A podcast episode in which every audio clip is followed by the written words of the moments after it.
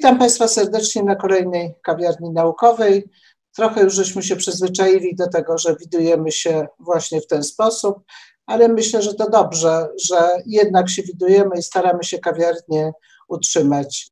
E, kawiarnia jest e, wymyślona przez panią profesor Magdalenę Fikus. Jednym z organizatorów jest Festiwal Nauki. Drugim organizatorem obecnie jest Trzechnica, dzięki której te nagrania i spotkania się w ogóle odbywają. Warto też powiedzieć o naszych patronach medialnych.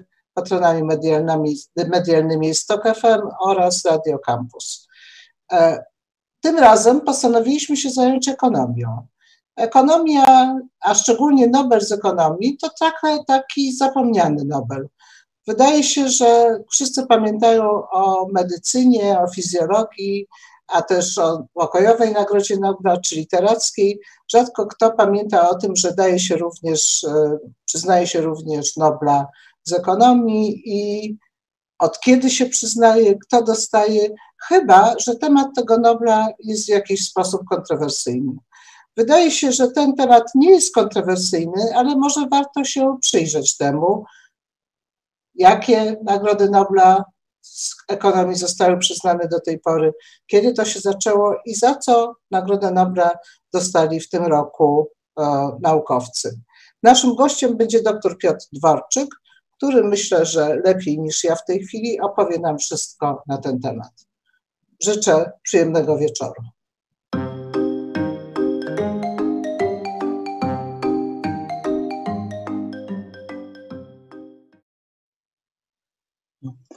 Witam Państwa bardzo serdecznie e, na dzisiejszym wykładzie.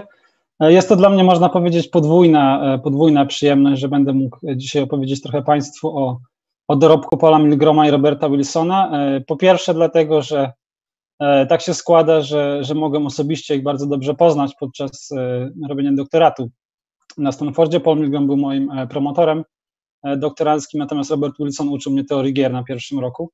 E, druga, drugi powód tej przyjemności to fakt, że po raz pierwszy w życiu e, mogę wykładać, e, mówić o ekonomii w języku polskim. To jest trochę może dziwna sprawa, ale wyjechałem do Stanów tuż po licencjacie i jest to pierwszy raz, kiedy mogę powiedzieć po polsku o ekonomii. Proszę o wyrozumiałość, gdybym, gdybym popełnił jakieś, jakieś błędy językowe, bo nie zawsze są dobre odpowiedniki angielskich terminów.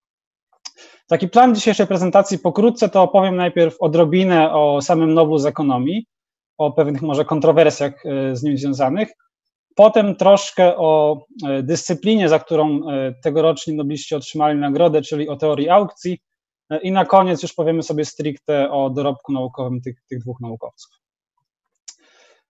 Więc tak, Nagroda Nobla z ekonomii ze znakiem zapytania z następującego powodu.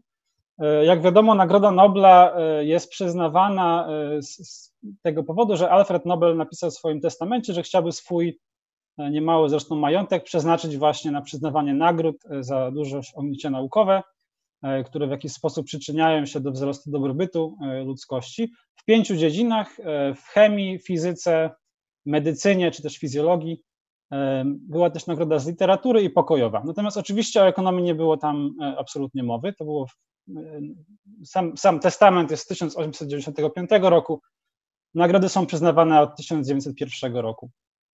I z tą nagrodą z ekonomii było tak, że, że wiele lat później e, Bank Szwecji, czyli taki odpowiednik e, NBP e, w Szwecji, postanowił ufundować w swoją 300. rocznicę powstania dodatkową nagrodę, którą nazwał Nagrodą Banku Szwecji imienia Alfreda Nobla. E, ale tak się złożyło, że, że ponieważ jakby poprosili Komitet Noblowski, żeby objął e, patronat nad tą nagrodą, że ona niejako została połączona z tymi e, pięcioma oryginalnymi i z czasem ta różnica nieco się zatarła i teraz w takim powszechnym rozumieniu mówi się o Nagrodzie Nobla z ekonomii, mimo że jest to nie do końca uprawnione, bo jest to formalnie inna nagroda. Troszkę właśnie z tym się wiążą te kontrowersje. Powiem, tak zasygnalizuję pewne, pewne pytania, wątpliwości co do tej nagrody i być może jeżeli będzie jakieś zainteresowanie, to wrócimy do tych dyskusji e, po wykładzie, kiedy będzie, będzie czas na zadawanie pytań. E, więc po pierwsze, możemy się zastanowić, czy ekonomia spełnia wymogi sformułowane przez Alfreda Nobla. Z pewnością nie było jej wymienionej, e, więc nie ma tak do końca przesłanek, by przypuszczać, że Alfred Nobel chciał taką nagrodę dawać. Natomiast sformułował on pewne przesłanki, mianowicie, że musi to być nagroda za jakąś praktyczną dziedzinę nauki, która w jakiś sposób przekłada się na, na rzeczywistość, a po drugie, że musi być w jakiś sposób właśnie korzystna, musi, musi sprzyjać dobrobytowi społecznemu czy, czy ludzkości. I o ile pewnie łatwo było, byłoby komentować, że ekonomia jest nauką dosyć praktyczną, o tyle z tym drugim e, kryterium pewnie moglibyśmy się e, bardziej spierać. Mam nadzieję, że, że poniekąd ta dzisiejsza prezentacja przekona część z Państwa, że, e, że są pewnego rodzaju wymierne korzyści dla społeczeństw ze stosowania chociażby teorii aukcji. Pojawia się wręcz taki, taki zarzut, że ekonomia nie jest w ogóle nauką, nie chcę tego tematu rozwijać, ale możemy wrócić do, do tego pytania, co jest nauką i czy ekonomia w ogóle spełnia e, te, te kryteria. Kolejna kontrowersyjna sprawa, mimo że jest to e, Nobel z ekonomii, czy też nagroda e, Banku Szwecji z dziedziny ekonomii, to nie jest wcale jasne, że dostają ekonomiści i mamy dużo przykładów z historii, w których dostawali tę nagrodę nie ekonomiści. John Nash, słynny matematyk, nie był absolutnie ekonomistą, nigdy się za takiego nie uważał, ale mimo wszystko dostał nagrodę E, właśnie, właśnie z dziedziny ekonomii za wynalezienie, e, wprowadzenie teorii równowagi Nasza. E, Herbert Simon, politolog z wykształcenia, Daniel Kahneman, psycholog, więc jak widać nie jest tak do końca jasne, dla kogo jest to nagroda. Jest taki trochę żart wśród ekonomistów, że ekonomia to jest to, czym zajmują się ekonomiści. Nie, nie ma tak jasno zdefiniowanych granic. I wreszcie temat, który chcę zasygnalizować ewentualnie do dyskusji właśnie, czy, w ogóle warto przyznawać indywidualne nagrody w nauce. E, nie tylko w ekonomii, e, dlatego że istnieje takie coraz chyba mocniejsze przekonanie, że nauka jest bardzo z natury takim zbiorczym, e, wspólnym projektem całej, całego, całej społeczności naukowej i, i, takie wyróżnianie pojedynczych osób zawsze jest nieco arbitralne i, i być może nie o to tak naprawdę chodzi w nauce, żeby przyznawać sobie nagrody. Więc sygnalizuję pewne tematy do dyskusji, i jednocześnie e, wspominam o, o, tym, jak to się stało, że w ogóle e, mówimy o, o Noblu z ekonomii, dlatego że właśnie e, jest to nieco inaczej niż z tymi pozostałymi nagrodami. Teraz troszkę powiem o samej teorii aukcji, przybliżę ten temat, a później powiemy konkretnie o dorobku tegorocznych laureatów. Kilka przykładów, bo wydawać by się mogło, że, że aukcje to jest coś bardzo odległego, z czym nie mamy na co dzień nic wspólnego. Jest to dosyć mylne, e, mylne wrażenie. Aukcje są wszędzie, e, więc podam kilka przykładów, żeby Państwo o tym e, spróbować przekonać. Taki przykład, który możemy kojarzyć z telewizji, z filmów, to są aukcje dzieł sztuki, obrazów czy, czy rzeźb, również wina drogiego. Jest taka typowy obrazek, sala pełna ludzi, którzy podnoszą tabliczki czy ręce, żeby, żeby zgłaszać swoje oferty. Coś, z czym pewnie się większość z nas spotkała, to są aukcje internetowe typu serwisy typu Allegro czy eBay. Na Allegro chyba już dużo aukcji nie ma, ale, ale pewnie Państwo się z tym spotkali. Jest to też dosyć powszechna sprawa. Ale przejdźmy do ważniejszych, tem, ważniejszych przykładów. E, giełdy, e, czyli większość rynków finansowych w tej lub innej formie opiera się o algorytmy aukcyjne, więc to jest coś, co już może jest mniej e, znanym faktem, ale bardzo wiele giełd również działa w oparciu o, pewnego rodzaju aukcje. E, przykład bardzo, bardzo powszechny, e, być może nie do końca przyjemny dla niektórych, mianowicie reklamy e, w internecie, nieraz irytujące. Wydawać by się mogło, że pokazują się w losowy sposób, natomiast tak naprawdę te reklamy nie są dziełem przypadku, a właśnie dziełem aukcji. W tym sensie, że wchodząc na jakąś stronę internetową, niejako przyczyniamy się do tego, że w czasie rzeczywistym reklamodawcy licytują w aukcji, żeby wygrać prawo do pokazania nam właśnie swojej reklamy. Więc takie aukcje, y, y, czy chcemy, czy nie chcemy, jesteśmy ich świadkami zawsze, kiedy przeglądamy internet, co najmniej. I przechodząc już do takich bardziej istotnych dla gospodarki przykładów, mamy na całym świecie aukcje licencji na użytkowanie częstotliwości radiowych. Takie licencje są konieczne na przykład dla stacji telewizyjnych czy stacji radiowych, jak również dla operatorów sieci komórkowych. Muszą takie licencje posiadać i te licencje w bardzo wielu krajach, opowiemy sobie o tym szczegółowo później, są właśnie alokowane na aukcjach. I ostatni przykład to są, to są z kolei prawa na emisję dwutlenku węgla. Jak wiadomo, w Unii Europejskiej funkcjonuje rynek kredytów węglowych i te kredyty węglowe są również sprzedawane i wymieniane na aukcjach. Więc jak widać, jest cała masa zastosowań i, i wiele z nich jest, jest niezwykle istotnych. E, teraz o samej teorii, kilka słów. Zasadniczo teoria aukcji odpowiada na pytanie e, o optymalną alokację jakichś cennych zasobów w społeczeństwie.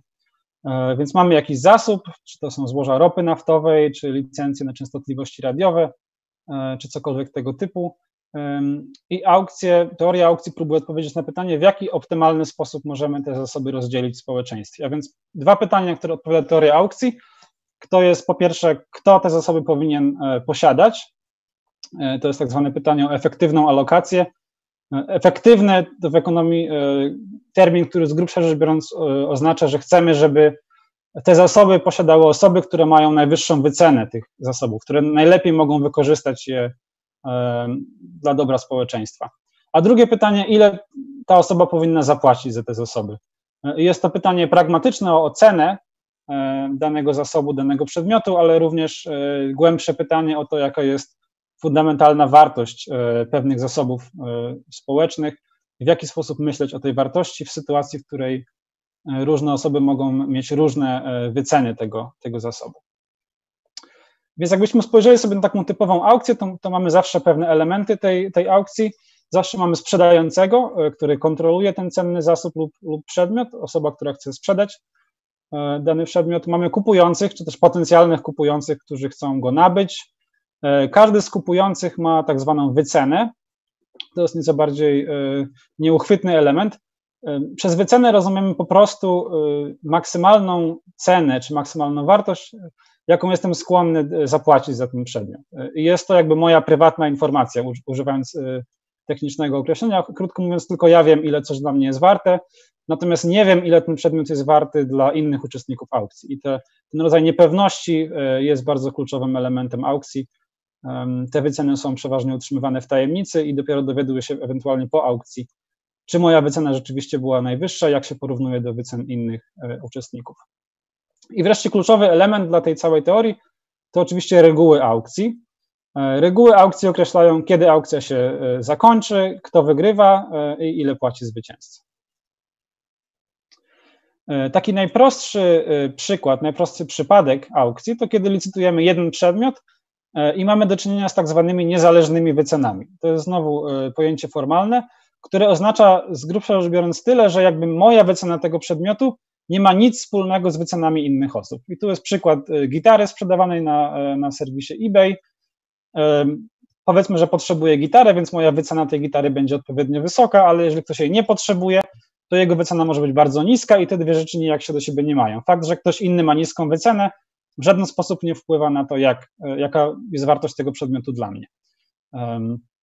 Formalnie się to modeluje przy pomocy niezależnych zmiennych losowych. I teraz pomyślmy sobie tak e, dla przykładu o dwóch bardzo prostych aukcjach, e, tak zwana aukcja pierwszej ceny oraz aukcja drugiej ceny. Na czym polega aukcja pierwszej ceny? A więc uczestnicy tej aukcji, tak zwani e, gracze, będą składać oferty. Dla uproszczenia przyjmijmy, że te oferty są niejawne, czyli każdy jakby jednocześnie składa swoją ofertę. Następnie sprzedający spojrzy na te oferty w tej aukcji wygra osoba, która wylicytuje najwięcej. W tym wypadku gracz pierwszy, który wylicytował 51 dolarów. I w aukcji pierwszej ceny zwycięzca płaci cenę równą swojej ofercie. To jest definicja aukcji pierwszej ceny. Natomiast aukcja drugiej ceny ma podobne zasady, gdyż znowu wygrywa gracz, który wylicytował najwięcej, natomiast zwycięzca płaci cenę równą ofercie drugiego najwyższego gracza, czyli w tym wypadku 35 dolarów. I teraz na tym przykładzie chciałbym zastanowić się, którą aukcję preferowałby sprzedający. I teraz w tym prostym przykładzie wydaje się um, oczywiste, że dla tego, tego zestawu ofert oczywiście wyższą e, cenę uzyska sprzedający w aukcji pierwszej ceny. Natomiast e, sprawa nie jest taka oczywista, która z tych aukcji będzie lepsza dla sprzedającego, dlatego że oczywiście gracze zdają sobie sprawę z tego, w której są aukcji i w aukcji drugiej ceny zwycięzca wie, że zapłaci cenę niższą od swojej oferty, a więc jest skłonny dużo więcej licytować w aukcji drugiej ceny. Więc mamy przeciwstawne efekty. Z jednej strony e, w aukcji pierwszej ceny przy danych ofertach sprzedający uzyskuje wyższą cenę, ale z drugiej strony w aukcji drugiej ceny ludzie mogą bardziej agresywnie po prostu więcej licytować.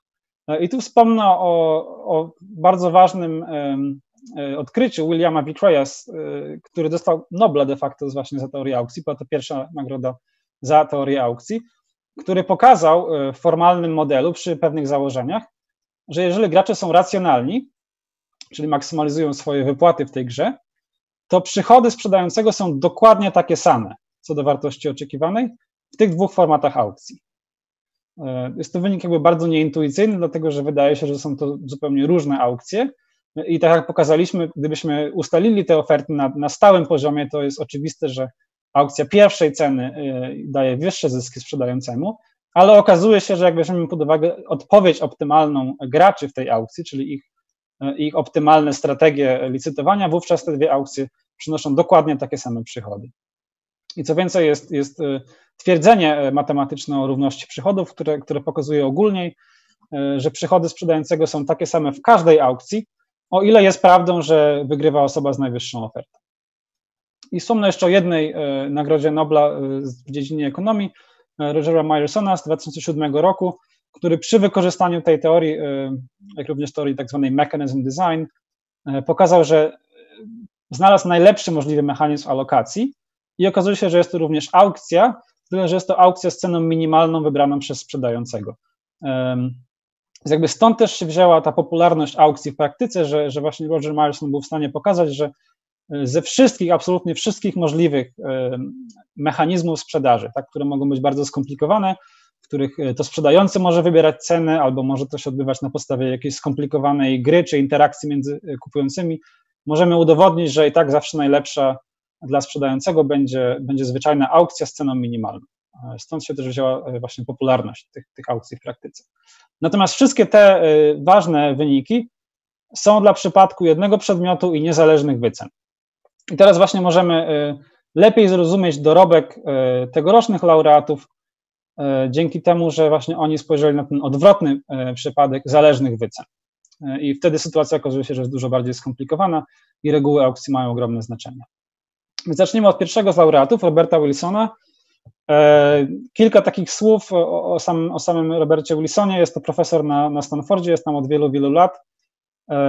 Jest to niesamowicie skromny człowiek, mimo że ma naprawdę ogromny, ogromny dorobek naukowy. Jest jednym z pionierów teorii gier, zarówno takiej czysto teoretycznej teorii gier, jak i, jak i uży, użycia tej teorii gier do różnego rodzaju stosowanych problemów w ekonomii, takich właśnie jak, jak problem projektowania aukcji. Dodatkowo jest, można powiedzieć, e, wychowawcą e, całego pokolenia e, ekonomistów.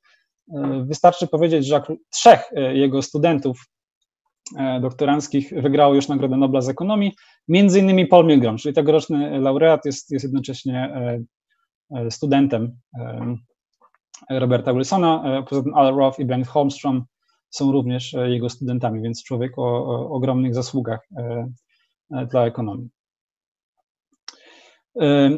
I właśnie Robert Wilson w swoich badaniach w latach 60., 70. skupił się na tak zwanej klątwie zwycięzcy. Klątwa zwycięzcy może wystąpić tylko wtedy, gdy wyceny graczy są zależne. Za chwilę pokażemy e, sobie pewien przykład, co to oznacza. Natomiast z grubsza rzecz biorąc, zależne wyceny oznaczają, że w przeciwieństwie do tego poprzedniego przypadku, o którym mówiliśmy, to jaka jest moja wycena, zależy od tego, jakie są wyceny innych graczy. Okay? I okazuje się, że w tym wypadku te wszystkie teorie czy twierdzenia, o których mówiliśmy e, w poprzednim, e, poprzednim, na poprzednim slajdzie, nie mają zastosowania. I właśnie Wilson badał szczególny przypadek, w którym dany przedmiot, który jest sprzedawany, jest wart dokładnie tyle samo dla wszystkich uczestników aukcji, tyle tylko, że nie wiadomo ile. E, I teraz chciałbym Państwa zaprosić do wzięcia udziału w aukcji, w której spróbujemy sobie zilustrować, na czym polega ta klątwa zwycięzcy. Mam nadzieję, że to wszystko wyjdzie. Na czacie e, koło, koło filmiku powinni Państwo być w stanie znaleźć link, e, gdzie będzie można wziąć udział w tej aukcji. Za chwilę jeszcze go spróbuję pokazać. Natomiast co będziemy licytować? E, musimy mieć jakiś prosty przykład, w którym jakby potrzebujemy przedmiot, który jest wart tyle samo dla każdego uczestnika, czy dla każdego z Państwa, więc jest to hipotetyczny przykład, ale najłatwiej jest licytować same pieniądze, dlatego że z definicji wartością 100 zł jest 100 zł. Jest 100 zł. Więc proszę sobie wyobrazić, jest to czysto hipotetyczny e, scenariusz, że jestem sprzedającym i licytuję na aukcji ten oto przedmiot, czyli górę pieniędzy. I poproszę zaraz Państwa o wzięcie udziału w tej aukcji, w której będzie można licytować, ile Państwo są skłonni zaoferować za tą tutaj właśnie przedstawioną górę pieniędzy. E, żeby dało się to jakoś oszacować mniej więcej, ile tych pieniędzy jest. Kluczowym jest, że nie wiadomo dokładnie ile, tak, bo nikt nie jest w stanie tego policzyć, ale żeby dało się jakoś to oszacować, to tutaj dla Państwa pokazałem, mm, jak wygląda 1 milion złotych w gotówce, tak żeby dało się to mniej więcej oszacować. I reguły aukcji są proste. Każdy może wpisać w sposób niejawny, jest to całkowicie anonimowe, e, ile jest skłonny zapłacić e, za, tą, oto, za ten przedmiot, za tą górę pieniędzy. Proszę założyć dla, dla celów tego eksperymentu, że są to prawdziwe pieniądze, więc nie chodzi o to, że one są fałszywe, są prawdziwe, chodzi tylko o szacowanie, ile ich może być. E, I następnie zwycięży osoba, która, która wylicytuje najwięcej, tak jak typowej aukcji pierwszej ceny, i zapłaci oczywiście tylko hipotetycznie e, cenę, którą wylicytowała. Więc takie są reguły. Może spróbuję Państwu pokazać e, ten link, żeby było to bardziej widoczne. Tak, jest to przypięte na czacie u góry. Yy, tak, wydaje się, że nie mam takiej możliwości, żeby tego pokazać, ale na, po prawej stronie od filmiku yy, tam Wszechnica wrzuciła link i powinni być Państwo w stanie. Zaraz, czy ja to mogę pokazać Państwu? O, powinien być w stanie to pokazać. Tutaj, nie wiem, czy to będzie teraz widać, próbuję pokazać swój ekran. Tutaj jest ten link. Jeszcze pokażę, jak to wygląda. Powinni Państwo móc wejść na tą stronę, na formularz Google'a i tutaj wystarczy podać swoją ofertę. To są, to są wartości w milionach złotych, więc proszę, proszę złożyć swoją ofertę i po wybraniu wystarczy kliknąć tutaj Submit. Ja za chwilę będę w stanie, e, jak wszystko dobrze pójdzie, te wyniki obejrzeć, więc dam Państwu e, może kilkadziesiąt sekund. Jeszcze zostawię tutaj e, obraz, żeby można było sobie próbować oszacować i, i, bardzo proszę, żeby jak najwięcej osób wzięło udział w aukcji, wtedy spróbujemy zilustrować sobie, na czym, na czym polega ta klątwa zwycięzcy.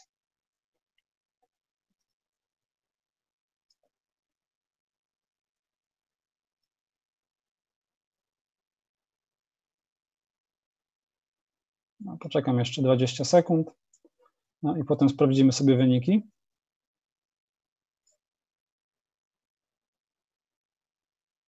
Jest to, tak jak mówię, tak zwana aukcja pierwszej ceny, niejawna, e, co oznacza, że właśnie głosują Państwo, czy licytują Państwo niezależnie od siebie, nikt nie widzi tych, e, tych, tych ofert.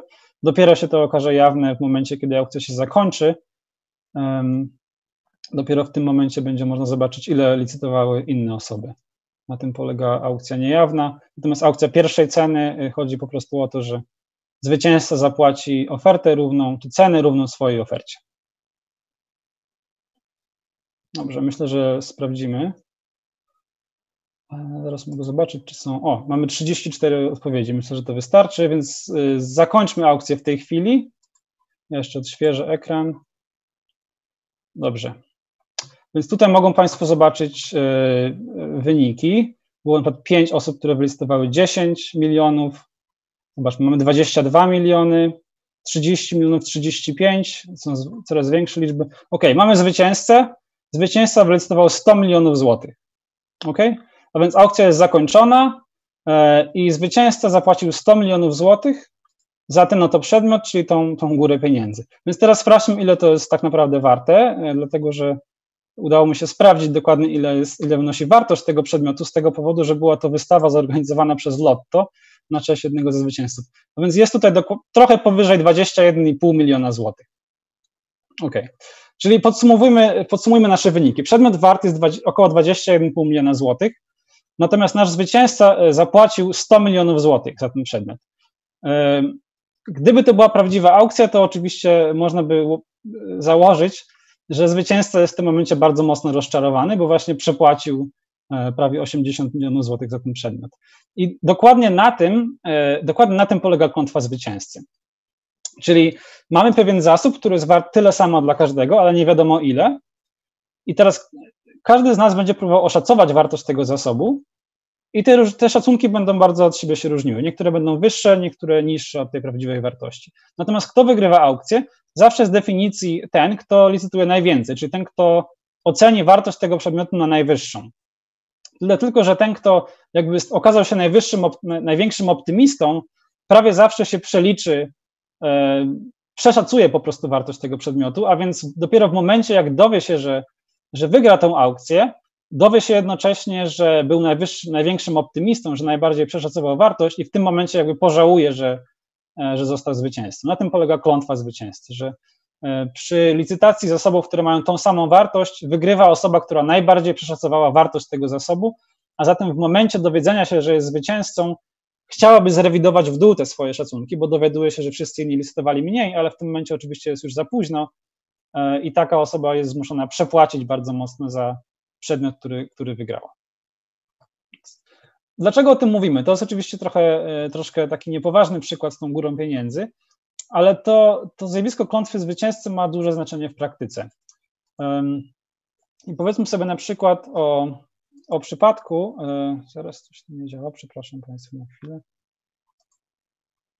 Ok, już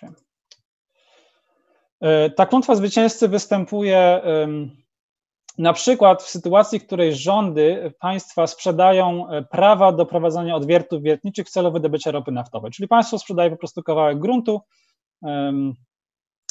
i tam w tym gruncie podejrzewa się, że jest ropa naftowa. I teraz oczywiście wartość, wycena tych graczy zależy od tego, ile tej ropy naftowej jest w ziemi, ale nikt tego dokładnie nie wie. Podobnie jak było z naszą górą pieniędzy, nikt dokładnie nie wiedział, ile tej, tych pieniędzy jest.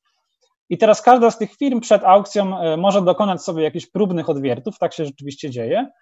I na podstawie tych próbnych odwiertów można mniej więcej szacować, ile jest tej, tej ropy naftowej w ziemi. I na podstawie tego ci gracze w tej aukcji będą licytować. Oczywiście ci gracze, którzy akurat y, z czysto losowych powodów nieraz w tych odwiertach próbnych znajdą największą ilość ropy, w tym wypadku to, jest środkowa stacja, one będą odpowiednio więcej licytować w tej aukcji. Tak? I teraz, gdybyśmy zastanowili się, jaka jest, jakie jest najlepsze, najlepsze możliwe oszacowanie wartości tej ropy naftowej w tym przykładzie, to oczywiście przy założeniu, że wszystkie te, y, te wszyscy ci uczestnicy używają podobnej technologii, to wypadałoby wziąć średnią arytmetyczną z ich pomiarów. Tak? I, I, w tym wypadku y, wartość byłaby 20 średnia, i to, byłaby, to byłby najlepszy możliwy szacunek tego, ile jest tej ropy w ziemi. Natomiast oczywiście w aukcji, szczególnie aukcji niejawnej, ci gracze jedyne, co dysponują w momencie e, uczestniczenia w aukcji, to jest ich własny odwiert, czyli ich własna wycena. I znowu, kto wygra aukcję, jakby z definicji zawsze wygrywa osoba, która wylicytuje najwięcej.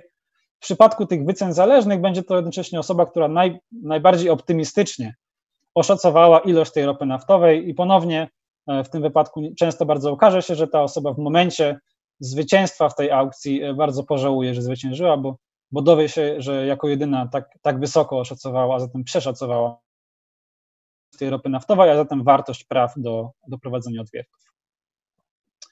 Więc podsumowując klątwę zwycięzcy, e, na czym polega problem? E, jeżeli gracze nie są w pełni racjonalni, czyli nie do końca zdają sobie sprawę z tej klątwy zwycięzcy. Tak jak pokazaliśmy na tych przykładach, zwycięzca może przeszacować wartość tego przedmiotu i po prostu zbankrutować. Jeżeli na przykład e, e, firma wydobywająca ropę zapłaci za złoże dużo więcej niż są warte, to zwyczajnie może zbankrutować. E, to nigdy dla nikogo nie jest korzystne. Taki przykład z naszego podwórka to bardzo często przy budowie autostrad mamy przetargi. Jest to jakby odwrotny przypadek, w której najniższa oferta wygrywa. I jest również element zależnych wycen, dlatego że na to, po jakim koszcie można wykonać autostradę, będą wpływać takie czynniki jak ceny materiałów, czy warunki atmosferyczne i tak dalej. I te, te warunki, czy te, te nieznane wcześniej zmienne, tak samo wpływają na wycenę wszystkich graczy. Więc każdy będzie znowu starał się oszacować koszt wykonania projektu, a kto wygra przetarg? No przeważnie ten, kto najniżej oszacuje koszt, a zatem bardzo często się przeliczy. E, nawiasem mówiąc, często wybiera się drugą najniższą ofertę właśnie po to, żeby żeby zniwelować ten problem klątwy zwycięzcy.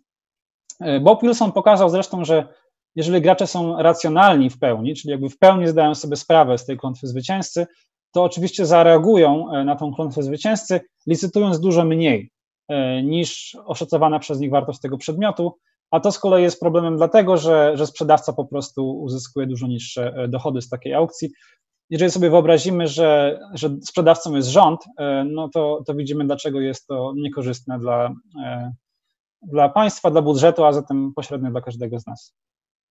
I co więcej, e, w sytuacji, w której występuje klątwa zwycięzcy, tego Państwu nie pokazałem, ale, ale okazuje się, że formuła aukcji ma znaczenie dla przychodów sprzedającego. Czyli to, co sobie pokazaliśmy, to twierdzenie Wikreya o równości przychodów dla sytuacji, gdy wyceny są niezależne, nie zachodzi dla przypadków wycen zależnych. Tutaj formuła aukcji ma znaczenie, a to oznacza, że w jakiś sposób musimy wybrać, która aukcja e, będzie najlepszym, e, będzie, będzie po prostu najlepsza dla sprzedającego, czy też najlepsza dla społeczeństwa, e, które chce alokować swoje cenne zasoby. I tutaj na scenę wchodzi drugi tegoroczny laureat, czyli Paul Milgrom. Kilka słów o nim na początek. Naprawdę niesamowity człowiek, ma, ma ogromny dorobek naukowy, nie tylko w teorii aukcji, ale również e, w teorii finansów, e, e, jak również w matematyce ekonomicznej, w, nawet w teorii marketingu, zarządzania, więc jakby naprawdę nikt nie był zdziwiony, że dostał Nobla, wszyscy raczej traktowali to jako, jako kwestię czasu. Jak wspominałem, jest to, jest to, był to mój promotor doktorancki. Żeby jeszcze dać Państwu lepszy ogląd tego, jaki to jest człowiek, to, to chciałbym wspomnieć, że co tydzień e, e, Milgram zapraszał nas do swojego własnego domu na, na seminarium i na obiad wszystkich swoich studentów, więc jakby do tego stopnia troszczy się o swoich studentów, że zaprasza ich do, do siebie co tydzień e, na dyskusje naukowe, na, na wspólny posiłek i rzeczywiście ma ogromny wpływ na, na rozwój swoich studentów i, i bardzo ich wspiera. Powiem jeszcze, że Paul Milgram po raz drugi wygłosi przemówienie noblowskie, dlatego że kiedy William Vickery, o którym wspomniałem, wygrał Nagrodę Nobla, to była taka nietypowa sytuacja, że e, usłyszał on, że wygrał Nagrodę Nobla, ale zmarł przed, e, przed ceremonią wręczenia tego Nobla i właśnie Paul Milgram wtedy wygłosił e, przemówienie w jego imieniu, więc nie będzie, nie będzie to wcale jego debiut na, podczas przemówień przy odbiorze Nagrody Nobla. I jeszcze wspomnę, jest wspaniały filmik w internecie, E, który bardzo polecam, na którym e, Bob Wilson, który mieszka dosłownie po drugiej stronie ulicy od Paula Milgrama, budzi go w środku nocy, żeby powiedzieć mu, że, że ten wygrał Nobla, dlatego że Paul e, miał wyłączony telefon. Jest tutaj link dostępny, wydaje się, że też Wszechnica wrzuci ten link na YouTubie, będzie można sobie otworzyć ten filmik, bardzo polecam, bo jest to po prostu rzadki przypadek, żeby nagrało się, nagrała się rozmowa w środku nocy dwóch noblistów. Jeden informuje drugiego, że ten również wygrał. Ale porozmawiajmy teraz troszkę o, o dorobku e, Paula Milgrama. Krótko mówiąc, e, pokazał on, w jaki sposób przezwyciężyć klątwę zwycięzcy lub przynajmniej zminimalizować ją do pewnego stopnia. Więc e, powiem Państwu troszkę o teorii, a potem omówimy sobie to na, na pewnym konkretnym przykładzie. Więc po pierwsze, Milgram w takim bardzo słynnym artykule z 1982 roku stworzył model matematyczny, który pozwala porównywać różne, różne aukcje pod względem tego, jakie e, przyniosą przychody dla sprzedającego. Tak jak mówiłem, e, w wypadku tych zależnych wycen różne formuły aukcji dają różne wyniki, ale nikt do końca nie był pewien, jak formalnie, w sposób matematyczny porównywać te aukcje i właśnie Milgram razem, razem z Robertem Weberem znaleźli taki model, zastosowali tak zwane pojęcie afiliacji e, zmiennych zależnych ze statystyki i byli w stanie skonstruować takie porównanie aukcji. E, w tym artykule pokazali, że, że najwyższe dochody dla sprzedającego w takiej sytuacji, w której właśnie mamy do, pojęcia, do, do czynienia z e, klątwą zwycięzcy i tą afiliacją, e, są aukcje otwarte drugiej ceny. To są tak zwane aukcje angielskie. Być może są Państwu znane, gdyż jest to taki najbardziej popularny może z mediów rodzaj aukcji, w której właśnie siedzimy sobie wszyscy na, na sali i zaczynamy od jakiejś niskiej ceny i potem przez podniesienie ręki czy, czy jakieś tabliczki ludzie podbijają cenę do momentu, gdy nikt nie jest już e, skłonny podbić tej ceny dalej, w tym momencie aukcja się kończy i osoba, która pozostała jako jedyna e, wygrywa przedmiot po tej cenie. E, dlaczego nazywa się to aukcja drugiej ceny? Jakby formalnie w, tej, w tej aukcji oczywiście zwycięzca płaci cenę, którą jako ostatni wylicytował, natomiast łatwo zauważyć, że żeby wygrać taką aukcję otwartą drugiej ceny, wystarczy wylicytować odrobinę więcej E, niż ta druga najwyższa oferta. Więc de facto zwycięzca w takiej aukcji angielskiej płaci cenę równą e, tej drugiej najwyższej ofercie, stąd, stąd też ta nazwa. E, natomiast kluczowe dla tego, żeby ta aukcja rozwiązała problem klątwy zwycięzcy, jest to, że jest to aukcja otwarta. Na czym polega aukcja otwarta? Na tym, że po prostu widzimy swoje oferty nawzajem. Czyli w tej aukcji, w której Państwo uczestniczyli, była to aukcja zamknięta, czy też niejawna, czyli jakby dopiero te oferty pokazaliśmy po zakończeniu aukcji. Natomiast w aukcji otwartej, w której ludzie podnoszą tabliczki czy ręce, możemy na bieżąco w trakcie, w trakcie aukcji obserwować, jakie są oferty. Dlaczego to rozwiązuje e, problem klątwy zwycięzcy, a przynajmniej w jaki sposób go minimalizuje? Dlatego, że jeżeli, jeżeli ja się, jeżeli pomyliłem się, przeszacowałem wartość e, tego przedmiotu, to w aukcji otwartej będę widział, jak ludzie bardzo szybko odpadają z tej aukcji. Jak na już na niskich wycenach będą e, przestawać licytować, z czego będę mógł wywnioskować, że oni musieli wycenić ten zasób dużo niżej, niż mi się wydawało. I w ten sposób mogę zrewidować jeszcze tą swoją wycenę, zanim będzie za późno, zanim aukcja się zakończy, czyli mogę jeszcze e, zdecydować się, że również szybciej opuszczę taką aukcję, obserwując, że inni licytują mniej. I również w drugą stronę, jeżeli widzę, że wszyscy inni licytują wysoko, to również mogę zrewidować swoją ocenę i jakby domyślić się, że ten przedmiot jest wart nawet więcej niż myślałem i z kolei licytować więcej. To z kolei ten drugi efekt e, poniekąd tłumaczy, dlaczego e, sprzedający również preferują e, tego typu aukcje. Więc gdybyśmy przeprowadzili nasz eksperyment z górą pieniędzy w aukcji otwartej, to zapewne wyniki byłyby inne. Podejrzewam, że zwycięzca zapłaciłby dużo mniej, dlatego że zobaczyłby, że dużo osób odpada dużo wcześniej, z czego dowiedziałby się, że, że dużo innych osób uważa, że w tej górze pieniędzy jest dużo mniej e, pieniędzy niż mogłoby się wydawać. Dlatego te, te oferty byłyby odpowiednio niższe. Jest jeszcze drugie e, bardzo ważna obserwacja, która, która wynika z tych badań, mianowicie, że sprzedający w takiej aukcji powinien udostępnić kupującym całą dostępną informację o sprzedawanym przedmiocie. Czyli jeżeli na przykład e, mamy sprzedawcę jakiegoś dzieła sztuki um, i sprzedawca ma, ma, dostęp do informacji na temat jego wartości, to powinien te informacje publicznie udostępnić przed aukcją wszystkim sprzedającym. Czyli gdybym zastosował się do, do tej teorii, do, do jej wskazówek, to tak naprawdę we własnym interesie y, powinienem był przekazać Państwu informację o tym, ile jest tych pieniędzy w tej górze pieniędzy przed licytacją. E, jest to twierdzenie, które mówi, że, że jest to korzystne dla sprzedającego. To znowu nie jest oczywisty wynik, dlatego że, że bardzo często ta informacja spowoduje, że ludzie będą licytować mniej. Dlatego, że jeżeli wszyscy oczekują, że, że ten przedmiot wart jest bardzo dużo, a ja ujawnię informację, że jest wart mniej, e, to oczywiście w tym konkretnym wypadku mogę spodziewać się niższych dochodów. Natomiast okazuje się, że korzyści z tego, że ujawnię wysoką wartość przedmiotu, kiedy jest ona wysoka, są wyższe niż te straty, kiedy ujawniam, że wartość jest niska, więc jakby co do wartości oczekiwanej, e, zawsze lepiej jest e, udostępnić całą możliwą informację e, o sprzedawanym przedmiocie. Jest to bardzo również ważna jakby wskazówka dla, dla polityki gospodarczej, dlatego że, że jakby mówi, że w procesie przetargów publicznych czy, czy innych, innego rodzaju aukcji należy być jak najbardziej transparentnym, czyli trzeba jakby jak najwięcej udostępnić informacji kupującym, czy też startującym w przetargu o tym projekcie czy przedmiocie, który będą, e, o który będą licytować. E, I ostatni e, punkt, który chciałem poruszyć, to już teraz tak bardziej praktycznie o tym, jak tą teorię można zastosować w praktyce i te, i te jakby z, wyniki badań, o, o których mówiliśmy przed chwilą, dotyczące zależnych wycen.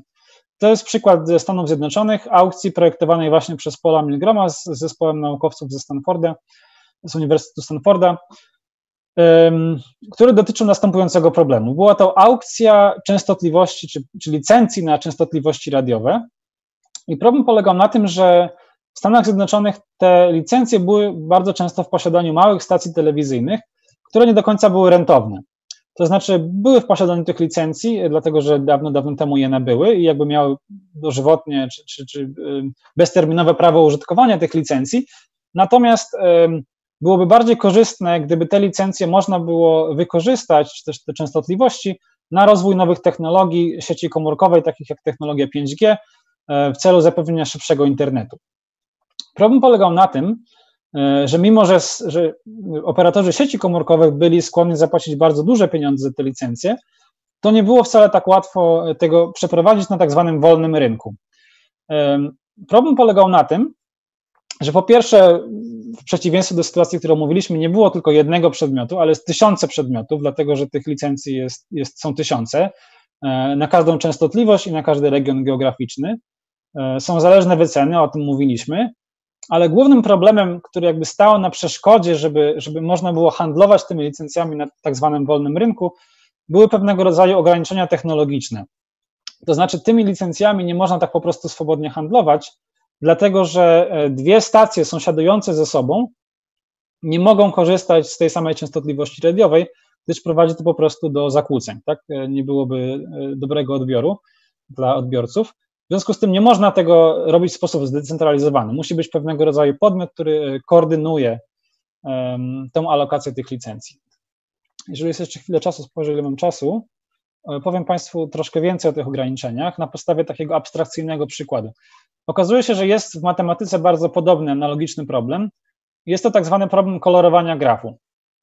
I polega on na tym, że mamy jakiś graf dany, mamy jakieś wierzchołki i pytanie jest, czy możemy go pokolorować, pokolorować wierzchołki tego grafu e, w taki sposób, by żadne dwa sąsiadujące wierzchołki nie miały tego samego koloru. W tym przykładzie mamy dwa kolory, zielony i czerwony. Sprawdźmy, czy jest to możliwe.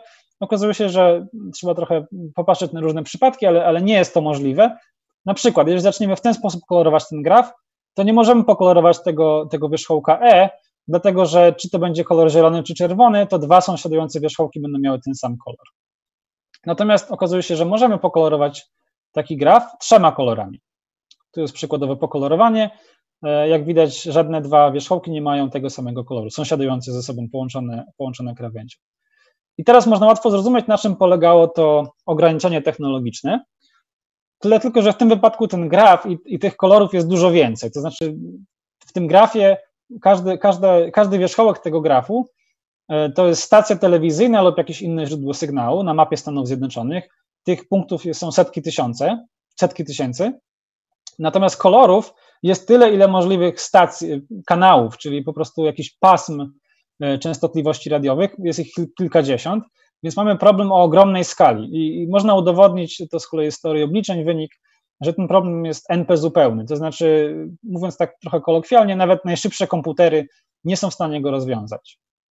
A zatem e, tym bardziej jakby nie, nie są w stanie rozwiązać tego problemu gracze negocjujący indywidualnie na wolnym rynku. Dlatego właśnie była potrzeba e, zorganizowania takiej jednej dużej aukcji, który, która też musiała w jakiś sposób obejść to ograniczenie technologiczne. E, I w jaki sposób Paul Milgrom i jego, jego współpracownicy rozwiązali ten problem? Po pierwsze była to aukcja podwójna. Te aukcje, o których mówiliśmy do tej pory, to były aukcje pojedyncze, w tym sensie, że tylko kupujący licytowali. Natomiast w tej aukcji zarówno kupujący, jak i sprzedający równocześnie e, licytowali w tej aukcji. E, po drugie, była to otwarta licytacja. Dlaczego? Dlatego, że właśnie wyceny były zależne, a więc już pokazaliśmy sobie, że z tej teorii wynika, że, że kiedy wyceny są zależne, w interesie e, sprzedającego, czy też ogólnie projektanta aukcji, jest, aby była to otwarta licytacja, właśnie po to, żeby pozbyć się tej klątwy zwycięzcy. Formalnie była to tak zwana aukcja zegarowa. Myślę, że nie mam teraz czasu wytłumaczyć szczegółów, ale było to również dosyć innowacyjne rozwiązanie, rodzaj właśnie aukcji otwartej. Żeby rozwiązać ten problem technologiczny, o którym wspomniałem, ten problem kolorowania grafu, wykorzystano algorytm e, problemu tak zwanego plecakowego, troszkę to dziwnie brzmi po polsku, z angielskiego knapsack problem, e, i jakby zastosowano e, pewnego rodzaju rozwiązanie z, z teorii obliczeń po to, żeby tę aukcję usprawnić i, i, przeprowadzić, żeby w skończonym czasie komputer był w stanie zdeterminować, czy dana alokacja tych licencji jest możliwa, czy też nie.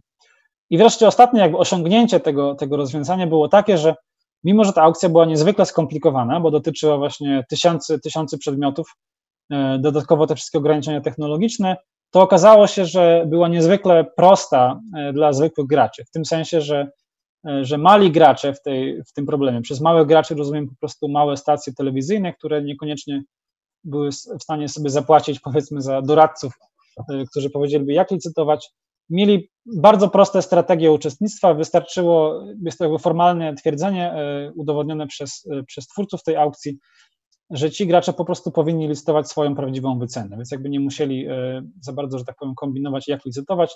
Było to tak zaprojektowane, żeby było to jak najbardziej proste dla użytkownika.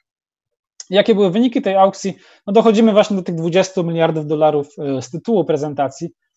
Ta aukcja przyniosła 20 miliardów dolarów przychodu, z czego większość trafiła po prostu do sprzedających te licencje, a więc zasiliła jakby kasy tych małych stacji telewizyjnych, a około 7 miliardów dolarów zasiliło budżet federalny, czyli budżet Stanów Zjednoczonych. Nawet w skali Stanów Zjednoczonych jest to bardzo, bardzo pokaźna kwota, tak dla porównania. 7 miliardów dolarów na naszych, na naszych warunkach wystarczyłoby to w zupełności z nadwyżką do, do załatania naszej zeszłorocznej dziury budżetowej.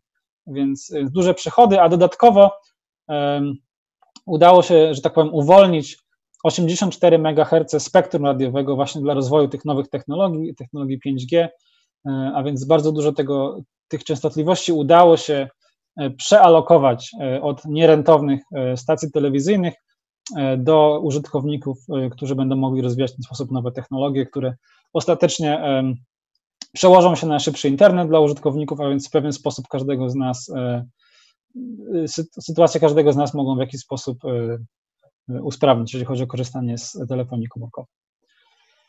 E, dobrze, to jest, to jest koniec tej części formalnej. Bardzo Państwu dziękuję, dziękuję za uwagę. oczywiście z konieczności e, bardzo musiałem pobieżnie opowiedzieć o tych, o tych teoriach, za które ta nagroda została przyznana, e, ale jeżeli Państwo mieliby jakieś pytania dotyczące, dotyczące teorii, to teraz jest też czas, żebym mógł opowiedzieć troszkę więcej o szczegółach. Dziękuję bardzo za uwagę i zapraszam do zadawania pytań. E, spróbuję się przelogować na, na czat.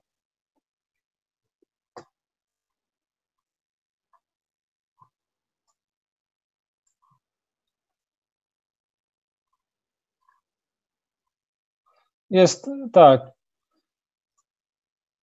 Jest to, jedno, jest to jedno pytanie e, o to, czy miliardów, czy biliardów, e, miliardów dolarów. Tak jest rzeczywiście myląca sprawa, że, że w języku angielskim billion to jest miliard.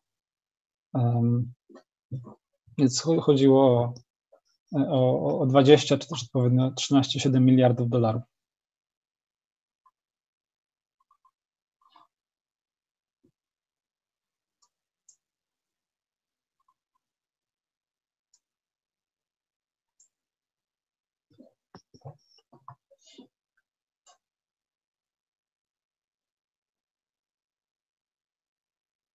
Tak, jeżeli nie ma pytań, to po prostu e, skończymy w tym miejscu. E, zostawiłem tutaj na slajdzie też swoje, swoje dane kontaktowe, gdyby ktoś z Państwa chciał się skontaktować. O, widzę, że pojawiły się jakieś pytania, więc może odpowiem. E, jest pytanie, przy jakiej liczbie uczestników aukcji wspomniane twierdzenia są, twierdzenia są prawdziwe.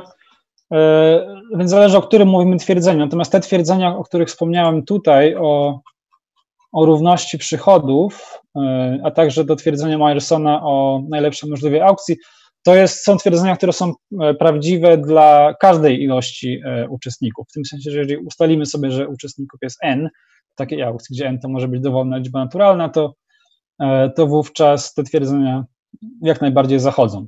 Natomiast są też również, są również twierdzenia w teorii aukcji, które zachodzą wyłącznie w przypadku, kiedy liczba tych graczy jest bardzo duża, to jako jeden przykład, o którym nie wspomniałem, e, możemy e, wspomnieć stwierdzenie udowodnione właśnie przez Roberta Wilsona, który pokazał e, następującą rzecz, że jeżeli gracze są racjonalni i co więcej, liczba tych graczy, liczba uczestników aukcji zbiega do nieskończoności, czyli formalnie, formalny sposób powiedzenia, że jest graczy bardzo dużo, wówczas cena uzyskana przez sprzedającego zbiega, czyli jest bardzo bliska e, dokładnej wartości tego przedmiotu. Czy jest to jeden przykład twierdzenia, które zachodzi wyłącznie, e, kiedy graczy jest, jest bardzo dużo. E, patrzę na. Było jeszcze kolejne pytanie. Który rodzaj aukcji jest najbardziej opłacalny dla sprzedającego? Więc zależy to w pewnym sensie właśnie od tego, jakie zrobimy założenie na temat, y, jakie są wyceny, czy są wyceny zależne, czy, czy niezależne. W ogóle widzę, że jest tutaj pytanie o doprecyzowanie różnicy między zależną a niezależną aukcją, więc może najpierw odpowiem na to pytanie i wtedy będzie, będę mógł też odpowiedzieć na pytanie o, o to, która aukcja jest najbardziej opłacalna. Więc yy, być może to nie doprecyzowałem, nie chodzi o zależną czy niezależną aukcję, ale o zależne, niezależne wyceny. Czyli chodzi po prostu o to, czy wartości, które, które są przypisywane przez różnych graczy do tego przedmiotu, zależą od siebie czy nie. Czyli jeżeli na przykład jest to przedmiot taki jak e, gitara, jak podałem przykład, e, wtedy jest jakby dosyć jasne, że informacja o tym, jaka jest wycena kogoś innego dla tej gitary, zasadniczo jest dla mnie bezużyteczna. Moja wycena od tego w żaden sposób nie zależy, dlatego nazwaliśmy to niezależnymi wycenami. Natomiast wycena zależna jest wtedy, kiedy jakby zrewidowałbym swoją wycenę kiedy dowiedziałbym się o wycenie innego gracza. Więc ten przykład odwiertów prowadzonych przez firmy wydobywające ropę naftową, gdybym dokonał odwiertu i doszedł do wniosku, że, że tej ropy naftowej w Ziemi jest jakaś tam ilość X, po czym dowiedziałbym się, że ktoś inny dokonał odwiertu i on oszacował tą ilość na Y, to w tym momencie chciałbym, gdybym dowiedział się o tej drugiej wycenie, to chciałbym swoją wycenę zrewidować i prawdopodobnie chciałbym wyciągnąć średnią arytmetyczną z tych dwóch wycen. A więc jakby z definicji są to wyceny zależne, dlatego że w momencie, jak dowiaduję się o wycenie innego gracza, to chcę zrewidować swoją wycenę. Tak, takie jest to rozróżnienie. E, I teraz wrócę do pytania o to, o to, który rodzaj aukcji jest najbardziej opłacalny dla, dla sprzedającego, więc zależy od tego, jakie mamy, jakie mamy wyceny. Jeżeli wyceny są od siebie niezależne, e, to jest jakby prostszy przypadek, wówczas prawdziwe jest to twierdzenie Rogera Myersona o optymalnej aukcji i optymalny rodzaj aukcji to jest tak naprawdę to jest trochę zaskakujące, ale dowolny rodzaj aukcji, może być to aukcja pierwszej lub drugiej ceny, i nie ma znaczenia, czy jest to aukcja otwarta, czy, czy, czy też niejawna. Natomiast ta aukcja musi mieć optymalną cenę minimalną. Cena minimalna to jest też zapewne coś, co, z czym łatwo się spotkać w praktyce. Nawet na Allegro jest ustawiona taka cena minimalna, czyli jakby cena, od której zaczyna się licytacja. I to, co pokazał Myerson, no to, że właśnie jest optymalny y, sposób wyboru tej, tej ceny minimalnej, przy którym ten rodzaj aukcji staje się najbardziej opłacalny dla sprzedającego. Natomiast jaka powinna być dokładnie ta, e, ta cena minimalna, to już zależy od tego, jaki jest, mówiąc, mówiąc takim formalnym językiem, rozkład tych wartości, tych wycen graczy. Czyli już teraz wchodząc trochę głębiej w tę teorię, w tej teorii modeluje się wyceny graczy jako po prostu zmienne losowe, czyli jakieś, jakieś losowe wartości i rozkład tej zmiennej wpływa na to, jaka jest ta cena minimalna. Czyli krótko mówiąc, jeżeli sprzedający spodziewa się, że te wyceny będą wyższe, to również cena minimalna jest wyższa. To jest takie intuicyjne e, może bardzo, natomiast jest, jest formalna teoria, która, czy wręcz, równanie matematyczne, które pokazuje dla danego rozkładu wycen graczy, jaka jest optymalna e, cena minimalna w takiej aukcji. E, jest jakieś pytanie o to, czy wykład będzie dostępny później. Zdaje się, że będzie dostępny. Zostanie chyba na YouTubie, więc w razie czego można sobie będzie otworzyć również również w późniejszym terminie. E, jest też prośba o doprecyzowanie, na czym polega aukcja drugiej ceny. E, tak, więc, więc aukcja drugiej ceny polega po prostu na tym, że zbieramy sobie wszystkie oferty wszystkich graczy e, i wygrywa zawsze osoba, która wylicytowała najwięcej, więc to, ta reguła jakby się nie zmienia. Zawsze zwycięzca jest, zwycięzcą jest osoba, która wylicytowała najwięcej, natomiast w aukcji drugiej ceny ta osoba, która zwyciężyła aukcję, e, płaci cenę równą ofercie drugiej od najwyższej. Czyli krótko mówiąc, nie swoją ofertę płaci, ale drugą od najwyższej. Więc jakby można by jeszcze na chwilę wrócić do. Aha, chyba już nie, ma, nie widać mojego ekranu, prawda? E, więc już nie wrócę do, do prezentacji, ale, ale był ten przykład, kiedy pierwsza oferta była 51 dolarów, druga 35, więc aukcji drugiej ceny zwycięzca zapłaciłby 35 dolarów, czyli drugą od najwyższych e, ofert. Kolejne pytanie, czy określenie największych przychodów uwzględnia kwestie psychiczne? Raczej nie. Wszystkie modele zakładają racjonalność graczy. E, bardzo dobre pytanie. E, rzeczywiście wszystkie wyniki, o których mówiłem dzisiaj, zakładają, że gracze są racjonalni, a więc jest to założenie, że, że w pewnym sensie uczestnicy tej aukcji e, maksymalizują swoje zyski, czyli w pewnym sensie nie podlegają pewnego rodzaju psychologicznym niedoskonałościom w postaci tego, że nie są w stanie oszacować pewnych rzeczy w tej aukcji, czy też po prostu mylą się e, w licytowaniu.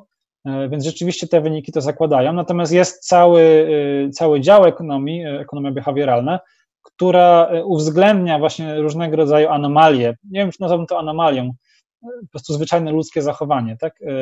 które odbiega od tego racjonalnego modelu. I ta teoria behawioralna próbuje tłumaczyć, w jaki sposób te wskazówki tej teorii zmieniają się w momencie, kiedy uwzględni się pewnego rodzaju psychologiczne uwarunkowania e, graczy czy uczestników tej aukcji. E, nie ma tak jakby jednego, jednego sposobu, żeby podsumować, jakie są wyniki tej literatury, dlatego że w zależności od tego, jakie zrobimy założenie o tym, w jaki sposób ta, ta anomalia psychologiczna, czy też sposób odejścia od racjonalności przebiega, to też będziemy mieli taki wynik. I w pewnym sensie to jest może jakiś, jakaś sposobność, żeby powiedzieć trochę więcej o tym założeniu racjonalności w ekonomii, bo rzeczywiście bardzo duża część ekonomii opiera się na tym, na tym założeniu. Mimo, że ekonomiści doskonale zdają sobie sprawę, że jest to założenie, krótko mówiąc, fałszywe, to znaczy nikt tak naprawdę nie uważa, że, że gracze są w pełni racjonalni, ludzie nie są maszynami, krótko mówiąc. Natomiast problem polega na tym, że jak odejdziemy od tego, tego modelowego założenia o racjonalności graczy, to nie do końca jest jasne, w którą stronę pójść.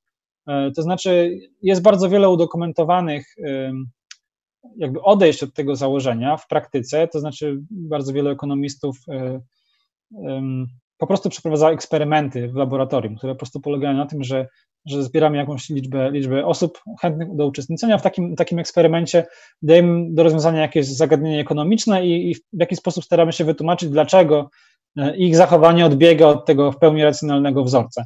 I jest bardzo dużo um, tego typu teorii, które tłumaczą, um, dlaczego obserwujemy takie odejścia od tego racjonalnego zachowania. Zresztą wystarczy powiedzieć, że za ten temat również została przyznana Nagroda Nobla. Daniel Kahneman e, razem z, e, e, z Tverskim dostali taką nagrodę już, już kilkanaście lat temu bodajże. Ostatnio Richard Taylor dostał nagrodę również za właśnie pionierskie badania z teorii behawioralnej. Natomiast jest to jakby zbiór wyników dla każdej, jakby każdego odejścia od od tego racjonalnego wzorca mamy inny wynik, dlatego trudno jest je, je w jakiś sposób taki skrócony podsumować, natomiast jak najbardziej te kwestie psychologiczne e, są coraz bardziej istotne w teorii ekonomii i cały czas prowadzone są badania na ten temat, w jaki sposób ta teoria musi być zmodyfikowana, żeby wziąć pod uwagę te czynniki psychologiczne. E, mamy tu kolejne pytanie o, o tą aukcję zegarową. Na czym polega aukcja zegarowa? Jest to bardzo podobne do aukcji angielskiej, przy czym w aukcji angielskiej y, mamy ten model, w którym, y, czy model, czy sytuację, w której ludzie siedzą na sali, tak, i podnoszą ręce y, lub tabliczkę, żeby podbić cenę, krótko mówiąc. Natomiast aukcja zegarowa polega na tym, że, że jest pewnego rodzaju zegar, czyli po prostu wskaźnik, który idzie w sposób ciągły w górę i wskazuje obecną cenę. I jedyna różnica do aukcji angielskiej polega na tym, że gracze jedynie decydują, w którym momencie odpaść z tej aukcji, w którym momencie przestać e, jakby aktywnie uczestniczyć, czyli ta, ten, ten zegar idzie w górę, pokazując coraz wyższą cenę e, i gracze stopniowo zaczynają odpadać z tej aukcji do momentu, w którym zostaje dokładnie jeden gracz i wtedy ten gracz zostaje zwycięzcą tej aukcji e, i płaci cenę równą wartości zegara, czy tej, tej wznoszącej się ceny, dokładnie w momencie zakończenia aukcji, czyli w momencie, kiedy drugi najwyższy licytant odpadnie e, z tej aukcji. Więc jest to pewnego rodzaju e, odmiana aukcji angielskiej, która właśnie korzysta z takiego zegara, który w sposób ciągły podnosi, podnosi ceny tej aukcji. E, jest pytanie o cenę minimalną, czy będzie to jakiś kwantyl rozkładu. Nie, nie pokrywa się to z żadnym kwantylem. Jest to, jest to dosyć skomplikowana formuła. Nie, nie będzie to po prostu kwantyl, może nie tyle skomplikowana, w sensie numerycznie bardzo łatwo jest to policzyć e, na komputerze, natomiast, e, natomiast ciężko jakby intuicyjnie wytłumaczyć dokładnie, na czym, na czym ta cena minimalna, jak tą cenę minimalną policzyć. Nawiasem mówiąc, ta cena minimalna będzie bardzo wrażliwa e, na założenie o tym, jaki jest ten rozkład wycen.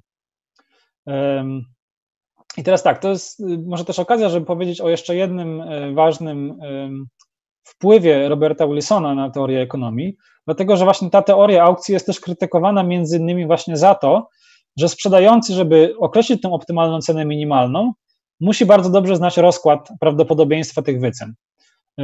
I jakby ta teoria jest, jest bardzo wrażliwa na tą, na tą wiedzę. Natomiast w praktyce oszacowanie rozkładu tych, tych wycen jest bardzo trudne. Jest to bardzo jakby ezoteryczna e, wielkość i dlatego e, idealnie byłoby, gdybyśmy mogli stworzyć teorię, w której nie robimy aż tak jakby heroicznych założeń o tym, jaką wiedzą dysponuje sprzedający.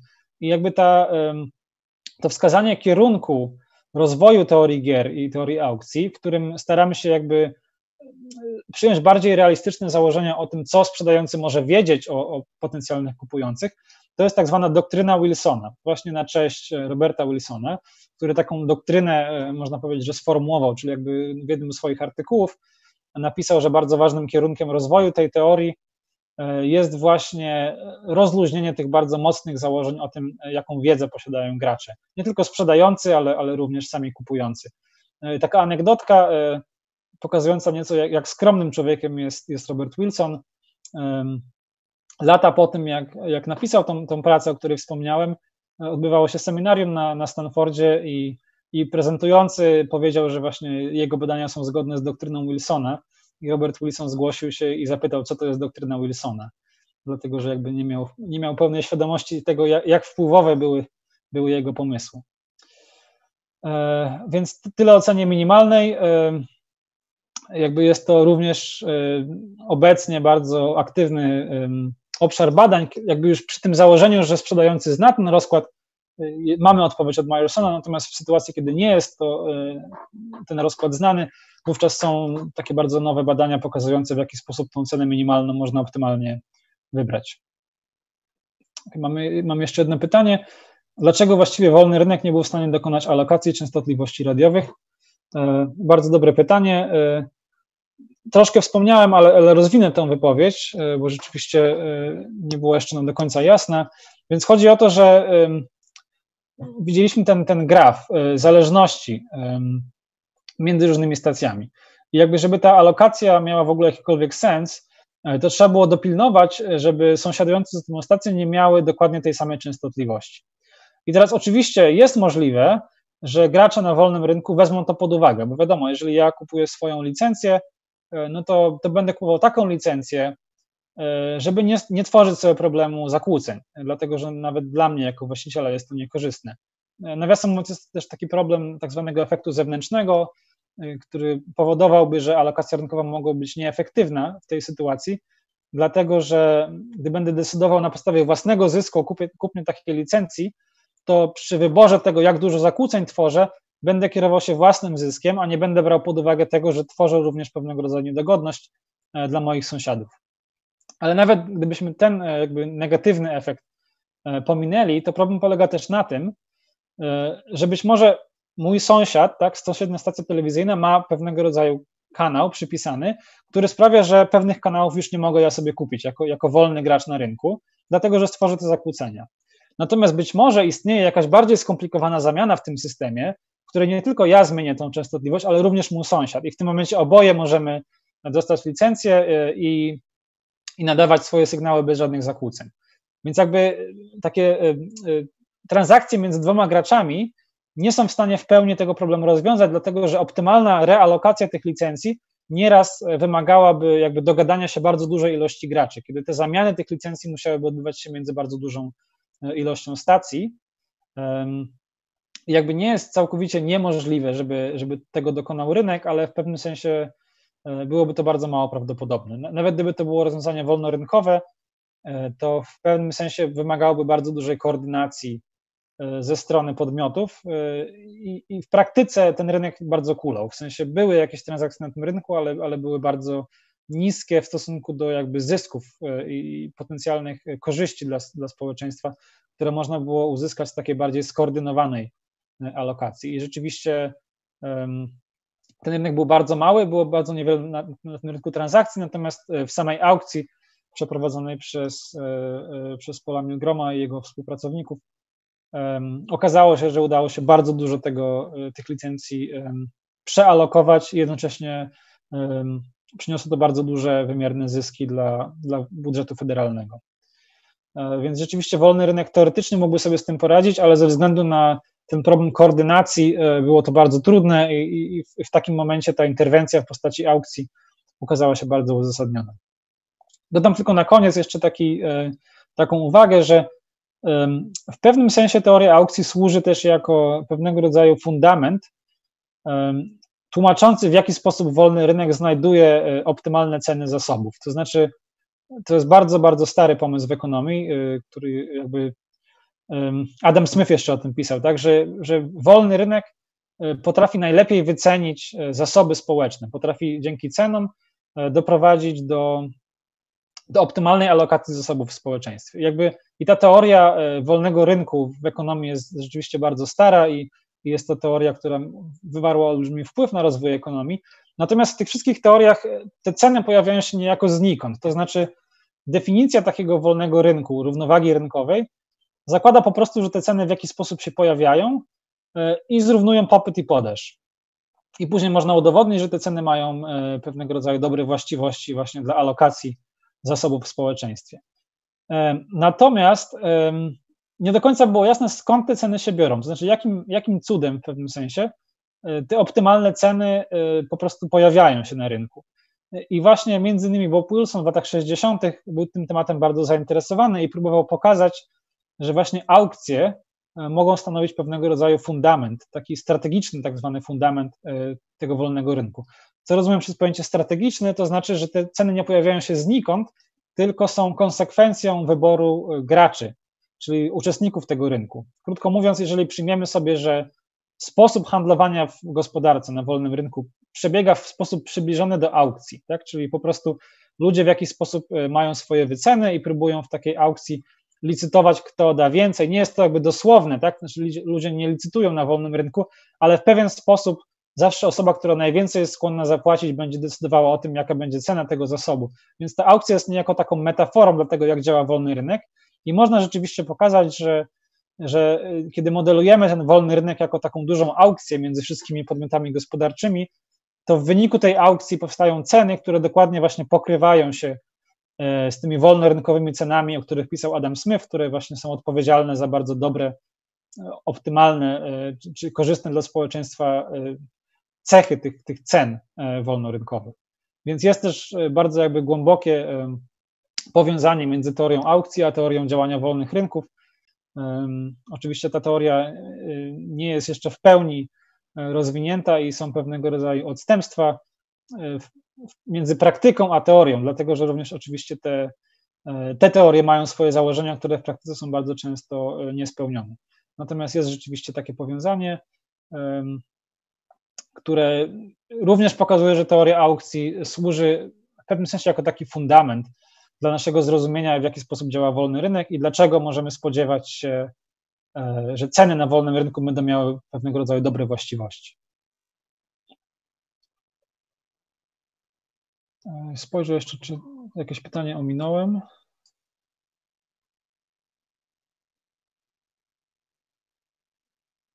Dobrze, wydaje się, że chyba na wszystkie pytania odpowiedziałem. Nie widzę nowych pytań, e, więc myślę, że to jest dobry moment, żeby podziękować Państwu za uwagę. E, tak jak mówiłem, proszę bardzo o kontakt, jeżeli byłyby jakieś dodatkowe pytania, ktoś chciałby więcej doczytać na temat tych teorii. Oczywiście tylko byłem w stanie dzisiaj zasygnalizować ten temat E, jest to temat o wiele, wiele głębszy i bardzo chętnie też podzielę się jakimiś zasobami, e, gdyby ktoś chciał e, zgłębić bardziej te, te teorie, dowiedzieć się jeszcze więcej o tegorocznych noblistach. Dziękuję Państwu bardzo, pozdrawiam, do usłyszenia.